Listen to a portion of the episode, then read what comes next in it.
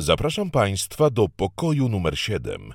Gospodarzem podcastu jest Rafał Gębura. W imieniu autora zwracam się do Państwa z uprzejmą prośbą o zaobserwowanie podcastu oraz wystawienie oceny w formie gwiazdek. Dziękuję za uwagę.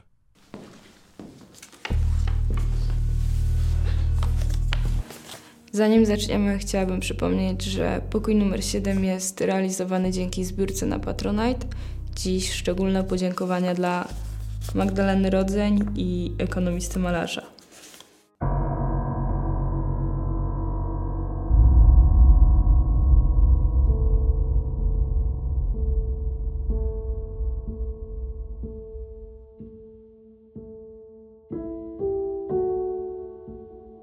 Mam na imię Paulina, mam 18 lat, przyjechałam z Płocka. Jestem jedynaczką i przez 11 lat wychowywałam się z obojgiem rodziców. To były ciężkie czasy dla mnie, bardzo trudne dzieciństwo, pełne awantur. Bałam się często wracać do domu i bardzo dobrze pamiętam jeden moment, kiedy to była podstawówka. Mama mnie odebrała ze szkoły i obie wracałyśmy do domu. Im bliżej domu, tym coraz bardziej gardło mi się zaciskało, bo wiedziałam, że jak wrócimy, to zaraz będzie kolejna awantura. Znowu się będę bała spać, znowu się będę bała w ogóle siedzieć w domu. I w sumie faktycznie za każdym razem się tak działo, że jak przyjeżdżałyśmy, to, to nie było za ciekawie. I wydaje mi się, że z perspektywy czasu teraz bym miała to tak naprawdę gdzieś, bo to w ogóle nie powinna być moja sprawa. A rodzice tak właściwie wciskali mnie w sam środek tej awantury. Yy, cały czas było Paulina, tata na mnie krzyczy, Paulina, mama na mnie krzyczy, yy, zrób coś z tym, albo mówili mi jakieś takie totalnie dla mnie nie, niepotrzebne rzeczy, gdzie oni się między sobą kłócili, a, a ja o tym wszystkim wiedziałam. I ja tak właściwie cały czas y, byłam między nimi, bo bałam się, że za chwilę coś się stanie, y, że się gorzej, jeszcze bardziej pokłócą, że któreś komuś coś zrobi więc tak właściwie nawet jak kładłam się spać, to bałam się spać. Bałam się tak naprawdę być e, we własnym domu. Mogłoby się wydawać, że jak się wyprowadziłyśmy z mamą od taty w wieku 11 lat, to już będzie wszystko ok, że nie ma awantur, nie ma kłótni, jest spokojnie. Ale jednak nie do końca tak było, bo po kilku latach, tak mniej więcej jak miałam 15-16 lat, e, to zaczęłam się czuć dużo gorzej. To wszystko się zaczęło na mnie odbijać. Opuściłam się dość mocno w nauce. E, nie chodziłam praktycznie do szkoły. E, spóźniłam się na zajęcia albo nie przychodziłam to były chyba wtedy już czasy liceum. To właśnie wtedy tak, tak zaczęłam tą szkołę omijać. Też nie miałam sił za bardzo się spotykać ze znajomymi. Mm, tak właściwie to też nie chciało mi się nawet z łóżka wstawać. Tylko bym cały czas leżała i nic nie robiła. Mama zauważyła, że coś się dzieje, że się czuję trochę gorzej więc y, zaproponowała mi wizytę u psychologa. Ja też wtedy w sumie byłam dość otwarta na coś takiego, bo też sama widziałam, że, że chyba potrzebuję takiej wizyty. Gdy się pojawiłyśmy tego psychologa, yy, dowiedziałam się, że może warto by było się też wybrać do psychiatry i to wszystko unormować lekami, bo to był czas, kiedy faktycznie się naprawdę źle czułam. Wybrałyśmy się do psychiatry. Dowiedziałam się, że mam depresję i dostałam leki. To był też czas, kiedy nasiliło się u mnie samookaleczanie. Tak właściwie to nie pamiętam momentu, kiedy dokładnie to się zaczęło. Pamiętam tylko, że jak miałam to spotkanie z tym psychologiem, to to już było na pewno w zaawansowanym stopniu. Tak właściwie wszystko się zaczynało bardzo niewinnie od y, zadrapań cyrklem na biodrach, gdzie tak właściwie tego nie widać, wystarczy to ukryć krótkimi spodenkami, więc nikt nie jest w stanie tego zobaczyć. Później przechodziło to na uda, na łydki, na ręce, ramiona, żebra nawet. Zaczęłam to robić później maszynką. Potem zaczęłam rozbierać te maszynki. Potem żyletki. I tak właściwie co mi tylko w rękę wpadło. E, pamiętam też, jak e, chłopak się bał mnie zostawiać u siebie w domu, bo mm, on ma bardzo dużo jakichś tam narzędzi, nożyków, ostrych przedmiotów i bał się, że jak zostawi mnie chociaż na chwilę, to, to wtedy zaraz coś złapie i zaraz też sobie zrobi. Więc tak, tak właściwie to każdy możliwy ostrzejszy przedmiot wchodzi w grę. I też na początku te rany były dość płytkie, później yy, zaczynały się robić coraz głębsze, coraz głębsze, więc yy, naprawdę było bardzo nieciekawie w pewnym momencie. Pamiętam dokładnie dzień, kiedy mama się dowiedziała o tym wszystkim. Jechałyśmy wtedy samochodem Mama mnie wtedy wiozła na rajd harcerski i chyba wystawała mi nitka z rękawa. Ona chciała ją oderwać i przy okazji podwinęła mi rękaw. Zobaczyła moje pocięte ręce i praktycznie od razu zatrzymała się na poboczu i zaczęła na mnie krzyczeć, żądać wyjaśnień, dlaczego to zrobiłam, co się stało. Ja też e, za bardzo nie wiedziałam, co jej powiedzieć. Sama też nie wiedziałam. Powiedziałam jej wtedy, że po prostu chciałam odreagować. Mm, nie umiałam tego wytłumaczyć jej po prostu. Ona się popłakała. Ja jej wtedy obiecałam, że już więcej tego nie zrobię, że to było tylko jednorazowe, ale wtedy wiedziałam, że to na pewno nie było jednorazowe bo to już się działo wcześniej i, i po prostu wiedziałam, że nie da się z tym skończyć tak jednorazowo, że po prostu ją okłamałam.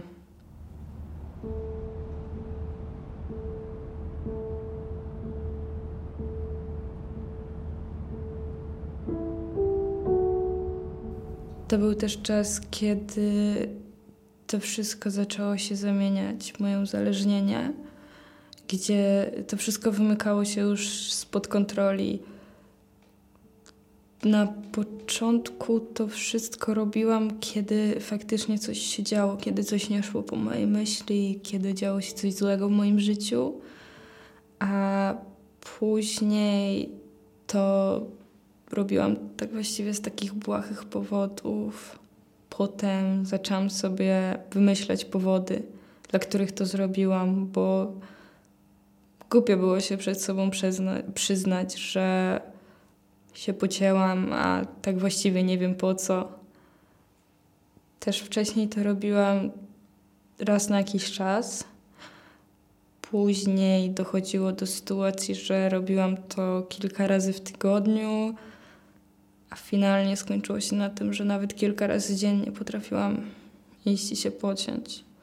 Tak właściwie ja myślałam o tym cały czas jak kładłam się spać, jak wstawałam rano, jak e, siedziałam na lekcjach w szkole, to też tylko czekałam tak naprawdę na przerwę, aż pójdę do łazienki i się potnę.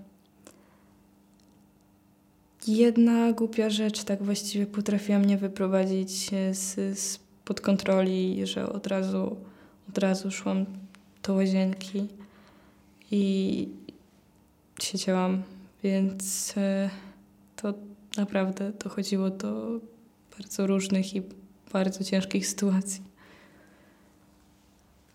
Wielu znajomych odwróciło się ode mnie. E, nie rozumieli tego, co się ze mną dzieje, bo kiedy mówiłam moim bliskim znajomym, że tak jest, że, że nie jestem w stanie sobie z tym poradzić, próbowali mi w jakiś sposób pomóc, nie wiedzieli jak.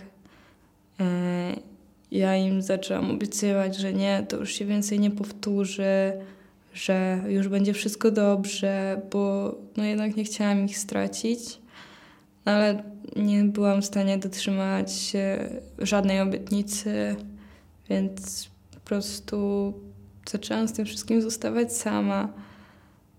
Ale były też przejawy pomocy.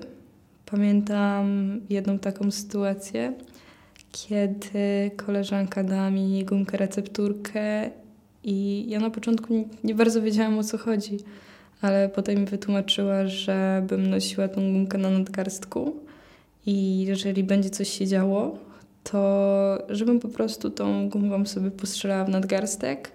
Będę czuła ból, ale nic tak właściwie złego mi się nie stanie.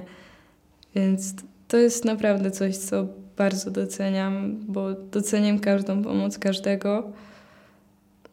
Niestety to mi jakoś szczególnie nie pomogło, ale to było bardzo miłe z jej strony. Ludzie się często zastanawiają, dlaczego niektórzy się samookaleczają. Niektórzy mówią, że to jest po to, żeby zwrócić na siebie uwagę. No, w moim przypadku zdecydowanie tak nie było, bo za każdym razem po prostu chciałam to wszystko ukrywać. Ale wydaje mi się, że to jest po prostu przenoszenie bólu psychicznego na ból fizyczny, kiedy siedziało mi coś w głowie, myślałam o czymś złym, to żeby o tym nie myśleć, wolałam sobie zrobić krzywdę, żeby zacząć myśleć tylko o tym bólu, a nie o tych złych emocjach. Więc można powiedzieć, że po prostu się odcinam od tych wszystkich emocji. No, co prawda to wszystko było tylko na chwilę, więc to jest, to jest beznadziejne myślenie ból psychiczny bardzo szybko wracał, a blizny na ciele cały czas pozostawały, a to tak właściwie było takie zadawanie sobie bólu, tylko takie przykrywanie tego wszystkiego, co tak naprawdę siedzi we mnie w środku. Poza tym ten y, cały mechanizm działał tylko na początku, bo w momencie, kiedy to wszystko zaczęło się zamieniać w uzależnienie, ja już sama nie byłam w stanie stwierdzić, co się ze mną dzieje i jak to wszystko wytłumaczyć.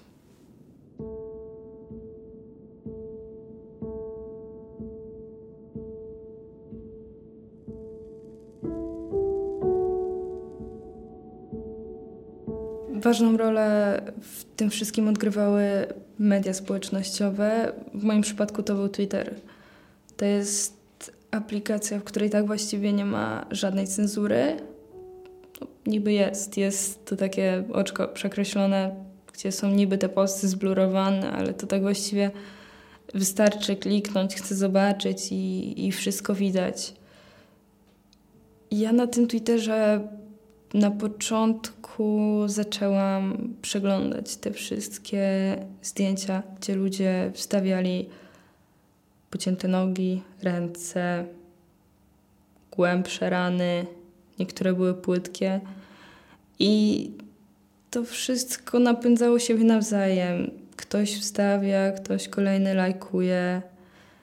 I to tak właściwie stworzyła się tam pewnego rodzaju taka społeczność ludzi, którzy się samookaleczają i dopingują siebie nawzajem w tym wszystkim ja się na początku znajomym tłumaczyłam, bo już się dowiedzieli o tym, e, że ja to przeglądam tylko dlatego, żeby zobaczyć to wszystko i żebym sama tego nie robiła, że muszę trochę popatrzeć na ten widok krwi, widok tej rozciętej rany, a sama sobie wtedy tego nie zrobię.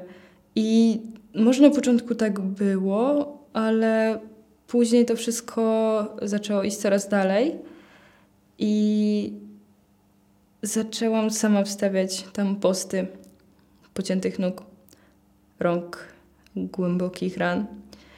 E, I można powiedzieć, że byłam wtedy taką gwiazdą Twittera, gdzie pod niektórymi postami 1500 lajków to tak właściwie była norma, gdzie ludzie mi komentowali: Wow, ale ślicznie wyglądają Twoje nogi, wow, jakich narzędzi użyłaś, żeby zrobić tak głębokie rany. To tak właściwie teraz, jak o tym wszystkim myślę, to to jest dla mnie nie, niewyobrażalne, że ja w ogóle mogłam coś takiego zrobić.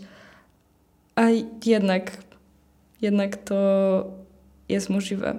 I wiem, że są tacy ludzie, którzy nadal wstawiają tam posty i to dużo gorsze od moich. I ja sama też do tego dążyłam przez jakiś czas, bo kiedy patrzyłam na te takie bardzo głębokie rany, to myślałam sobie, że co jestem jakaś słaba, że ja sama nie dam rady zrobić tak głębokich ran, że no kurde, no ktoś potrafi, to ja nie dam rady.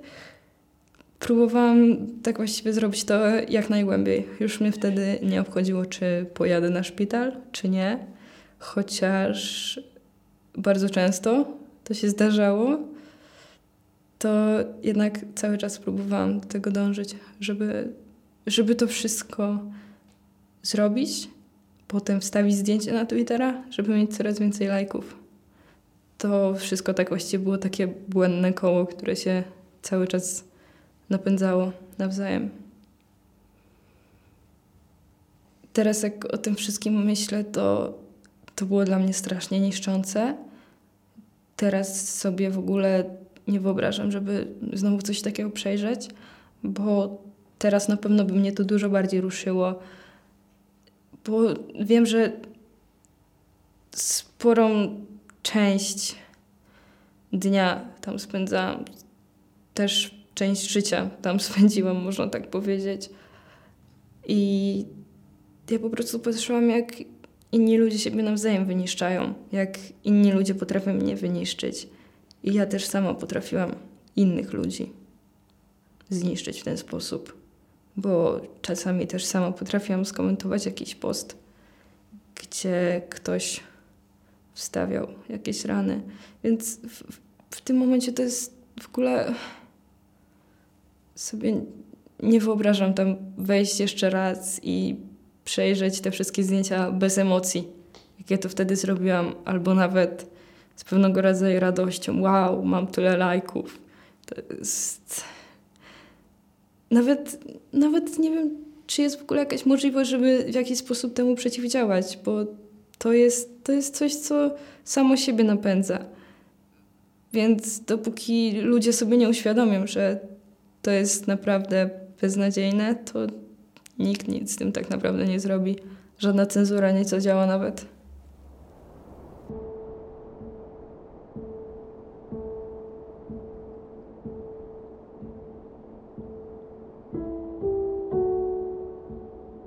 Pierwszy raz e, wylądowałam w szpitalu na szyciu nogi. Pamiętam, że wtedy, tak jak zawsze, po prostu poszłam do łazienki, pocięłam się. Tylko, że wtedy chyba faktycznie coś się, coś się stało i byłam na siebie bardzo zła, więc zrobiłam to mocno i faktycznie mocno rozcięłam tą nogę. Zadzwoniłam do mojej przyjaciółki, czy mogłaby mnie zawieźć do szpitala bardzo zestresowana, z, z trzęsącym się głosem, bo nigdy nie dopuściłam do takiej sytuacji. Byłam wystraszona, nie bardzo wiedziałam, co się dzieje, ale też w jakiś sposób byłam z siebie dumna, że w końcu mi się udało głęboko tą nogę rozciąć, że będę mogła to za jakiś czas wstawić na tego Twittera. Ale pojechałyśmy do tego szpitala E, to oczywiście moja przyjaciółka to, to od góry do dołu tak mnie okrzyczała i taka była na mnie zła, że to jest w ogóle niesamowite. Oczywiście dobrze, że tak zrobiła, bardzo dobrze, że tak zrobiła. To jest jakby reakcja, jaka powinna być na to wszystko. Dojechałyśmy do szpitala. Mm, weszłam do środka e, na salę e, zabiegową. E, no to mm, pojechałyśmy w ogóle do takiego szpitala, który, który w Płocku nie jest y, zbyt, zbyt dobrze oceniany. Panie od razu mnie z góry do dołu okrzyczały, że w ogóle co ja sobie wyobrażam, dlaczego ja się tutaj pojawiłam, E, że ja im w ogóle czas zajmuję, e, żebym w ogóle tutaj niepotrzebnie przychodziłam, że one mają lepsze rzeczy do roboty, więc to też było dla mnie takie nie do pomyślenia, jak można tak człowieka potraktować, że ktoś przychodzi naprawdę z, z problemem jakimś, z rozciętą nogą, a one mówią, że ja jestem jakaś nienormalna i, i żebym w ogóle najlepiej to, żebym tutaj nie przyjeżdżała. Z łaski, z litości zszyły mi tą nogę i wtedy dostałam pierwsze skierowanie do szpitala psychiatrycznego. E, powiedziałam wtedy przyjaciółce, że no, to już się więcej nie powtórzy, nie dopuszczę do takich sytuacji, żeby drugi raz się na życiu pojawić. Niestety, jakiś czas później znowu doszło do takiej sytuacji. Wtedy do szpitala zawiózł mnie mój chłopak. E, do tego samego szpitala. Oczywiście już myślałam, że pierwsze co mnie spotka to wielki raban z pielęgniarkami, awantura, po co znowu przychodziłam. Ale był e, pan, który ze mną szczerze porozmawiał. Mm, pamiętam, że wtedy się też rozpakałam, bo ja byłam wtedy już po, po 18, ale kazał mi zadzwonić do swojego taty. Ja mówię, no nie, nie zadzwonię, nie ma opcji, nie, nie chcę łamać, łamać serca, nie chcę mu tego powiedzieć. Ale powiedział, żebym zadzwoniła do taty i żebym mu powiedziała szczerze, co się stało. I że to, co się ze mną dzieje, to nie jest normalne, że tak nie powinno być. I to, co robię, to faktycznie może innych dookoła zranić. I ja wtedy, no, faktycznie zdałam sobie z tego sprawę, że, że, że to wszystko może być niszczące dla moich najbliższych. Znowu obiecałam tym razem chłopakowi, że będzie lepiej, że to już się więcej nie powtórzy. Oczywiście znowu kogoś okłamałam. Powiedziałam, że nie będzie więcej jechania na szycie. No ale kilka dni później, tak właściwie był trzeci raz, kiedy nic się nie działo. Ni normalny dzień. Wypiłam wtedy z chłopakiem wino, poszłam do łazienki i się pocięłam. Nie wiem dlaczego. Po prostu się pocięłam. Przyszłam do niego, trzymałam się wtedy mocno za rękę, bo miałam rozciętą. Powiedziałam mu trzęsącym się głosem, że musimy jechać do szpitala. I on od razu z dobrego humoru zjechał totalnie w dół. Zawiózł mnie do tego szpitala. To był wieczór. Zawiózł mnie do tego szpitala. Zszyli mi tą rękę i dostałam trzecie skierowanie do szpitala. Wróciłam z nim do domu. Oczywiście w samochodzie była dość ciężka rozmowa. E, ale wróciliśmy do domu i e, powiedziałam wtedy wszystko tacie, to co się dzieje, bo on chyba już się wtedy zorientował, że coś jest nie tak, że późno wróciłam do domu, e, że ja i mój chłopak trochę dziwnie się zachowujemy, więc mu powiedziałam, co się stało gdzie byłam. On powiedział, że w sumie to się domyślał, że może tak być. I postanowiliśmy, że pojadę do szpitala psychiatrycznego. Spakowałam się i chyba o pierwszej w nocy dojechaliśmy do szpitala. E, pokazałam te trzy skierowania tam e, w środku, mm, w tym szpitalu i mnie praktycznie od razu przyjęli do szpitala. Przydzielili mi pokój, wtedy i, i zostałam tam trzy tygodnie.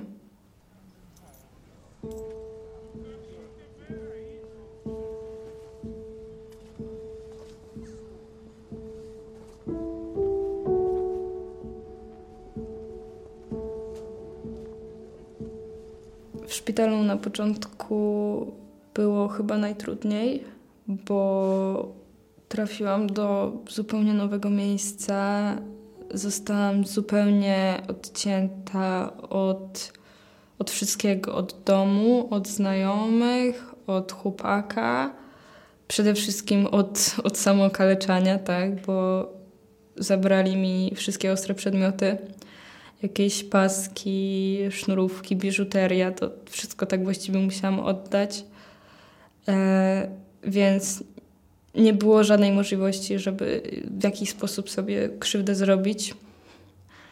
E, więc w desperacji doszło do sytuacji, gdzie sama sobie palcami zdjęłam szwy w pewnym momencie z, z nerwów, ze, ze stresu, po prostu musiałam coś zrobić. Ale tak właściwie to, to poza tym to wytrzymywałam bez. Było momentami bardzo trudno, bardzo ciężko, ale w jakiś sposób chyba ten detoks mi pomógł, bo po czasie zaczęłam sobie uświadamiać, że to wszystko, co robiłam, było złe, że naprawdę musiałam nisko upaść, żeby w ogóle się pojawić w takim miejscu, gdzie ktoś ogranicza moją wolność, gdzie ktoś mi tak właściwie przeszukuje rzeczy i, i narusza też moją prywatność w jakiś sposób, gdzie no to było tak właściwie konieczne, to, to, to była dla mnie dosyć ekstremalna sytuacja, bo na ogół na co dzień takie rzeczy się nie dzieją. Też yy, ważne było to, że byłam zdana na innych, więc bardzo szybko chciałam w ogóle się stamtąd wydostać, bo cokolwiek bym nie chciała, to musiałam prosić albo rodzinę, albo znajomych, żeby mi przywieźli, no bo inaczej tak właściwie nie było opcji. W szpitalu też y, dostałam nowe leki, y, dlatego byłam tam trzy tygodnie, bo nie dość, że monitorowali moje zachowanie, jak sobie radzę z tym wszystkim, to też y, jak wpływają na mnie te nowe leki, czy one są dobrze dostosowane. Też było tak, że w pierwszym tygodniu dostawałam tyle leku, że praktycznie cały tydzień potrafiłam przespać, ale później stopniowo zaczęli schodzić z tych leków do dawki, którą biorę do dzisiaj regularnie, jako normalne leki, nie bez y, takich y, tam dostawaliśmy takie e, malutkie kubeczki z tymi lekami, więc było ich naprawdę dużo, do, do tak właściwie trzech tabletek na dzień, więc, więc to też jest różnica. Też e, pamiętam, że w szpitalu pielęgniarki były dosyć e, niemiłe, bo też potrafiły czasami powiedzieć jakieś niemiłe rzeczy. Pamiętam też e, ludzi, którzy tam byli i była jedna taka dziewczyna, która miała podobny problem do mnie. Też miała problemy z samookaleczaniem się. I pamiętam, że ona potrafiła po obiedzie potłuc kubek albo talerz, żeby się pociąć. Więc to, to też jest coś takiego, że naprawdę tam ludzie nie mają niczego innego, żeby coś sobie zrobić. A jeżeli ktoś jest od tego uzależniony, jeżeli ktoś tego potrzebuje, to próbuje zrobić wszystko, żeby coś sobie zrobić. A ja wtedy tam poszłam z nadzieją, że może faktycznie uda mi się z tego wyjść. I przez cały czas, później chyba drugiego tygodnia, pilnowałam się tego, żeby już tak właściwie o tym nie myśleć. E, że coś mi, że, że mogę coś sobie zrobić, a w momencie, kiedy przychodziły mi jakieś takie gorsze myśli, to od razu szłam do pielęgniarek, żeby mi dały coś na uspokojenie, żebym tylko mogła się jakoś odciąć od tych myśli. Więc chyba najważniejsza w tym wszystkim była taka praca nad sobą w tym szpitalu, I to nie też przez to, że tam był psycholog e, i ten psycholog też e, w sumie e, chciał mi w jakiś sposób pomóc, bo miałam tam chyba kilka spotkań, no bo to, to tak właściwie jakoś mocno mi nie pomogło.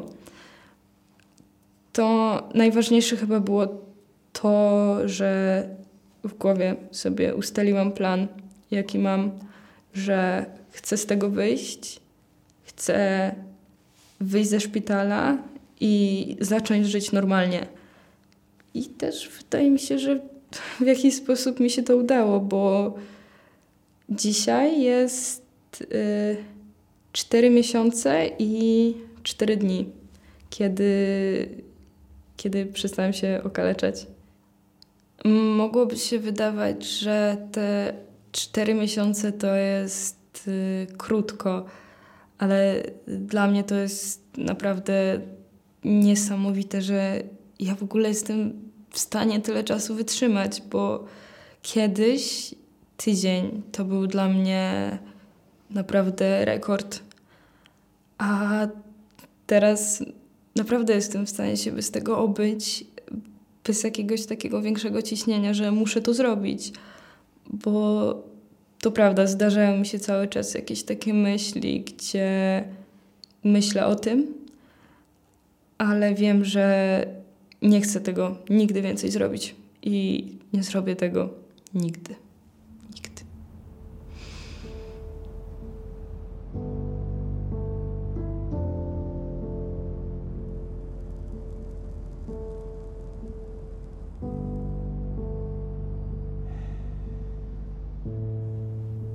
w najgorszym czasie mojego życia szukałam często informacji, że jest ktoś podobny do mnie, ktoś, kto ma podobne problemy. I niestety nie byłam w stanie niczego znaleźć, ale gdybym wtedy znalazła kogoś, kto jest w stanie się podzielić swoją historią i ktoś, kto faktycznie wyszedł z tego, ktoś, kto stanął na nogi, to wydaje mi się, że moje życie mogłoby się potoczyć trochę inaczej, bo na pewno bym miała na to wszystko trochę inną perspektywę. I jak było tak źle, postanowiłam, że jeżeli kiedykolwiek uda mi się z tego wyjść, to udzielę wywiadu i opowiem swoją historię, żeby może komuś pomóc, żeby ktoś, ktoś taki jak ja, wysłuchał kiedyś tej historii i pomyślał sobie: Wow, jest jeszcze dla mnie jakaś ostatnia nadzieja. Materiał powstał dzięki zbiórce prowadzonej w serwisie Patronite. Link do zbiórki znajdą Państwo w opisie podcastu. W imieniu autora dziękuję Państwu za uwagę. Zachęcam również do zaobserwowania podcastu oraz wystawienia oceny w formie gwiazdek. Do usłyszenia kolejnym razem.